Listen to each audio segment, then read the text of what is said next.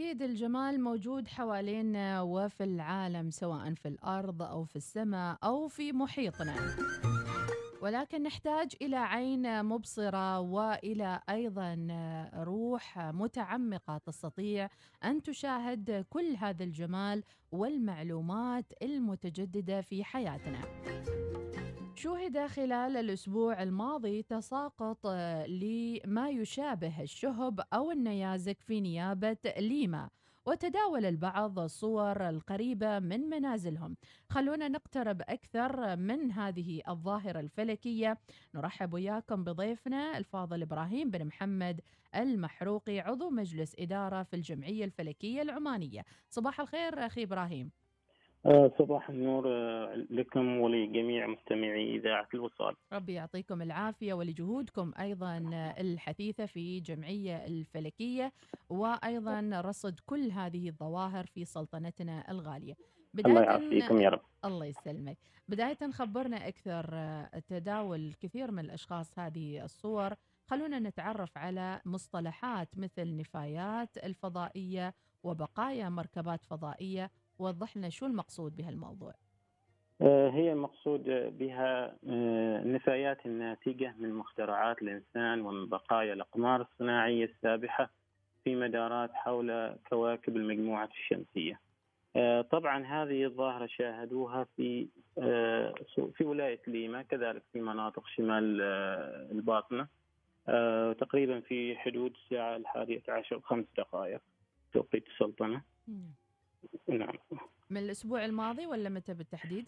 آه نعم كان في الأسبوع الماضي تقريبا تاريخ خمسة تاريخ خمسة سبتمبر نعم طيب نعم. هل هذه أول مرة نشوف مثل هالنفايات آه، الفضائية ولا صار قبل ورصدت هذه النفايات؟ لا تقريبا هذه بشكل ما نقول دائم ولكن دائما ترصد مثل هذه النفايات وذلك يعود إلى تقريبا هناك يوجد في الفضاء حوالي من 700 من 500 إلى 750 ألف قطعة حطام أو ما تسمى خرده فضائية تدور حول الأرض.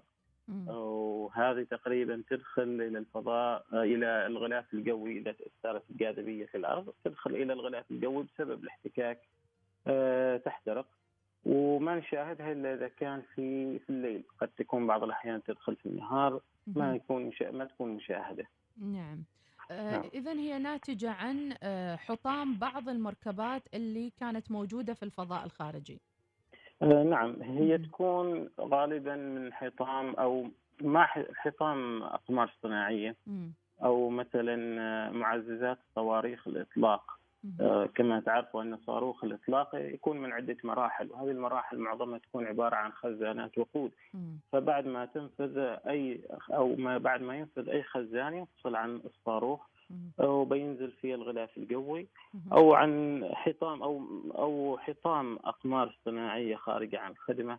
أو آه، أقمار صناعية تصادمت وانفجرت في الفضاء بعد فترة تتأثر بالجاذبية الأرضية وتدخل تبدأ دخولها أو يبدأ دخولها في الغلاف الجوي ومشكلة هذه الشهب اللي رأيناها آه، قبل كم يوم. طيب قربها من أجواء السلطنة لهذه الدرجة، هل له أي دلالات أو خطورة معينة على الأفراد أو من أين أتت أيضا هذه النفايات الفضائية؟ آه، هي تقريبا ما ممكن إحنا نحدد ونقول أنها آه، موجودة قرب سماء السلطنة. ولكن هذه عبارة عن صدف آه، أنها كانت مرورها أو اقترابها من الجاذبية والغلاف الجوي كانت بالقرب من سماء السلطنة. آه، بشكل عام لو هي ما لها أي دلالات مثل نقول أنها لأن موقع السلطنة أو شيء مثل هذه الأشياء. ولكن كما تعرفوا أن الكرة الأرضية 72% من آه، سطحها عبارة عن محيطات. والباقي اللي هي تشكل يابس وما كل اليابس البشر يعيشوا فيها. فلذلك في حال سقوط مثل هذه الأقمار الصناعية نادرا نادرا ما أنها تصيب آه، في مناطق سكنية أو الإنسان. فنقول بشكل عام أن ما لها أي أخطار ابدا. أما مصادرها مثل ما ذكرت سابقا هي معززات صواريخ الإطلاق أو الإقمار الصناعيه الخارجه عن الخدمة أو أقمار صناعية خارجة عن سيطرة الإنسان في أغلب الأوقات مثلا أو بعد ما انتهت خدمتها. آه، وكذلك حطام أو بقايا حطام تصادم أو انفجار أقمار صناعية في الفضاء. أقرب المحطات الفضائية كونكم فلكيين ومقتربين من هذا الموضوع أيضا هل هناك يعني مسافة محددة تقدروا من خلالها تعرفوا أقرب المركبات الفضائية الموجودة أو حتى النشاط الجوي أو الفضائي؟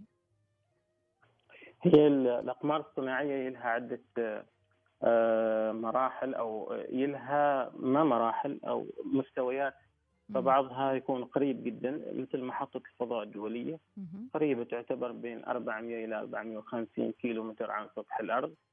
آه بعض الأقمار الصناعية تعتبر يعني حسب استخدام القمر الصناعي هل هو للاتصالات؟ هل هو لدراسة مثلا الغلاف الجوي أو بعض الظواهر في سطح الكرة الأرضية؟ أو هل ما المقصود أو ما هي استخدامات نفس الشيء القمر الصناعي؟ فبناء على هذه يكون تحديد مسار القمر الصناعي. إذا هو بالصدفة حصل أنه تهيأت الظروف لوجوده واختراقه للغطاء الجوي في السلطنة ووصلت إلى آه، نيابة ليما. طيب بالضبط. آه، حجم هذه النفايات بالنسبة لنيابة ليما هل كان كبير أم أنه كان مستويات بسيطة ما عليها ضرر؟ لا هي ما عليها ضرر. آه، حتى لو لاحظتوا أن قبل لا توصل سطح الأرض هي تقريبا يبدأ الاحتراق من بعد مسافة تقريبا 120 كيلو متر إلى 65 كيلو. فهذا المستوى هي تبدأ في الاحتراق. فعندها مسافة في فترة طويلة إلى أن تصل سطح الأرض إذا كان حجم هذه النفايات كبير جدا. آه، أكيد أنها ما بتواحد توصل الأرض وهي محترقة كاملة. لكن اللي صار وشاهدناه هي احترقت يعني ما تمت إلا مجرد ثواني بالكثير تقريبا 30 ثانية واحترقت آه، في آه، الغلاف الجوي. نعم إذا ما كان عليها أي ضرر بالنسبة لي لا للحجم ولا للسرعة ولا للضوء اللي فيها. طيب. لا لا ما فيها أي أي ضرر. ومثل ما ذكرت لك أن هناك لم تسجل حالات آه، أو في حالة تقريبا في حالة واحدة إصابة واحدة لإنسان في عام 1997 آه، تعرض ل أو أصابته هذه النفايات. اللي هي الحالة الوحيدة اللي تم تسجيلها. ومثل ما ذكرت قبل أن هناك تقريبا 72 من سطح الكرة الأرضية عبارة عن محيطات. غالبا هذه تسقط في المحيطات في الصحاري. نعم. نادرا ما تسقط في المناطق السكنية. نعم. سبحان الله من رحمة الله بعبادة أيضا في نفس الوقت. بالضبط نعم. بالضبط طيب. الحمد لله. اذا نعرف آه، بينها وبين النيازك والشهب الفرق بيناتهم على السريع كذا للمتابعين. النيازك مصادرها أو النيازك هي عبارة عن جسم صلب يسبح في الفضاء. آه، نيازك مثلا عبارة عن يعني أو مثلا وش نقول؟ النيازك عبارة عن غبار متبقي من تكوين النظام الشمسي أو عبارة عن شظايا من الكويكبات انفصلت نتيجة الاصطدامات ما بين هذه الكوي الكويكبات. نعم. وبعض النيازك واللي تسبب في زخات شهب آه، معروفة آه، ممكن الإنسان يتنبأ بهذه الشهب. آه هذه تكون أو تأتي من المذنبات حين يمر أو يمر الغلاف الجوي للارض عبر مجموعة من الجزيئات الصغيرة اللي يخلفها ذيل هذا المذنب. نعم. فهذا الفرق بين المش... بين النيازك وبين مخلفات الفضاء. نعم. فالشهاب إذا دخل أو النيزك إذا دخل الغلاف الجوي يشكل آه، أو ممكن إحنا نشوف ذلك آه، الضوء أو الوميض آه، عندما يحترق الجزء منه عند دخوله الغلاف الجوي فذلك يسمى شهب أو شهاب وفي حال وصوله إلى سطح الأرض أو إلى الأرض يسمى حجر حجر نيزكي. ما شاء الله عليكم. وأنتم شباب في الجمعية أكيد دارسين هذه الأمور ومن تخصصكم في الصميم أيضا في نفس الوقت. نعم. والله الحمد لله الشباب ما يعني وشباب الجمعية الفلكية ما شاء الله عليهم ما مقصرين. جميل جدا. وبارك الله فيهم. الله يبارك فيكم إن شاء الله وفي جهدكم في هذا الأمر. وهذا يزيد من آه، أيضا إيمان الإنسان وقدرة آه، بقدرة الله سبحانه وتعالى في في خلقه. خبرنا آه، عن جديد.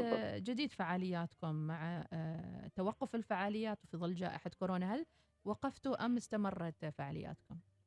وتقريبا فعاليات اللي هي الفعاليات الجماهيرية اللي آه، توقفت آه، بسبب كورونا.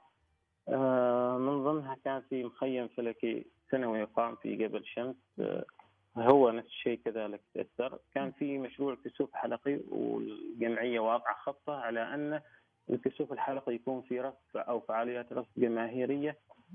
كذلك هذه توقفت وصارت عن طريق في بعض المناطق وتم بث الكسوف في وسائل التواصل الاجتماعي. نعم. في فعاليات قادمة في الليلة الدولية لرصد القمر. إن شاء الله بيتم نحاول تكون أنها معلنة أو تكون نفس الشيء اونلاين نبث أو تصوير القمر في من عدة مناطق من السلطنة. متى يصادف الليلة الدولية للقمر؟ متى؟ تقريبا تاريخ 26 يوم السبت من هذا الشهر. من هذا الشهر جميل. إيش معنى هالقمر تحتفلوا فيه؟ في شيء مميز؟ لا ما يكون في شيء مميز ولكن آه هذه فعالية بدت في بعض تقريبا في عام 1990 مم. على ما أعتقد آه بشكل فردي وإلى أن انتشرت بشكل عالمي. ممتاز جدا. إذا نحن معاكم مستعدين إن شاء الله لليلة الدولية للقمر بإذن الله تعالى في نهاية الشهر. شكرا لك أخي إبراهيم بن محمد الله. المحروقي على هذه المعلومات القيمة ونسأل الله لكم التوفيق وتحياتنا لكل الفريق العفو شكرا بارك الله فيكم. الله يسلمك شكرا. شبابنا العماني أكيد قادر بأن يفسر ويأخذ من هذه العلوم اللي أيضا ليس بجديد بالنسبة لهم فهم قد ورثوها من أجدادهم وأجداد أجدادهم. نفخر حقيقة بجهود أيضا تطوعية لأبنائنا في هذه الجمعية الفلكية الجمعية الفلكية العمانية بكل تأكيد. وكان حديثنا مع ضيفنا عن ظاهرة النفايات الفضائية اللي رصدت في نيابة ليما في تاريخ 5 سبتمبر. ناخذ فاصل وراجعين مع أحلى صباح صباح الوصال. مع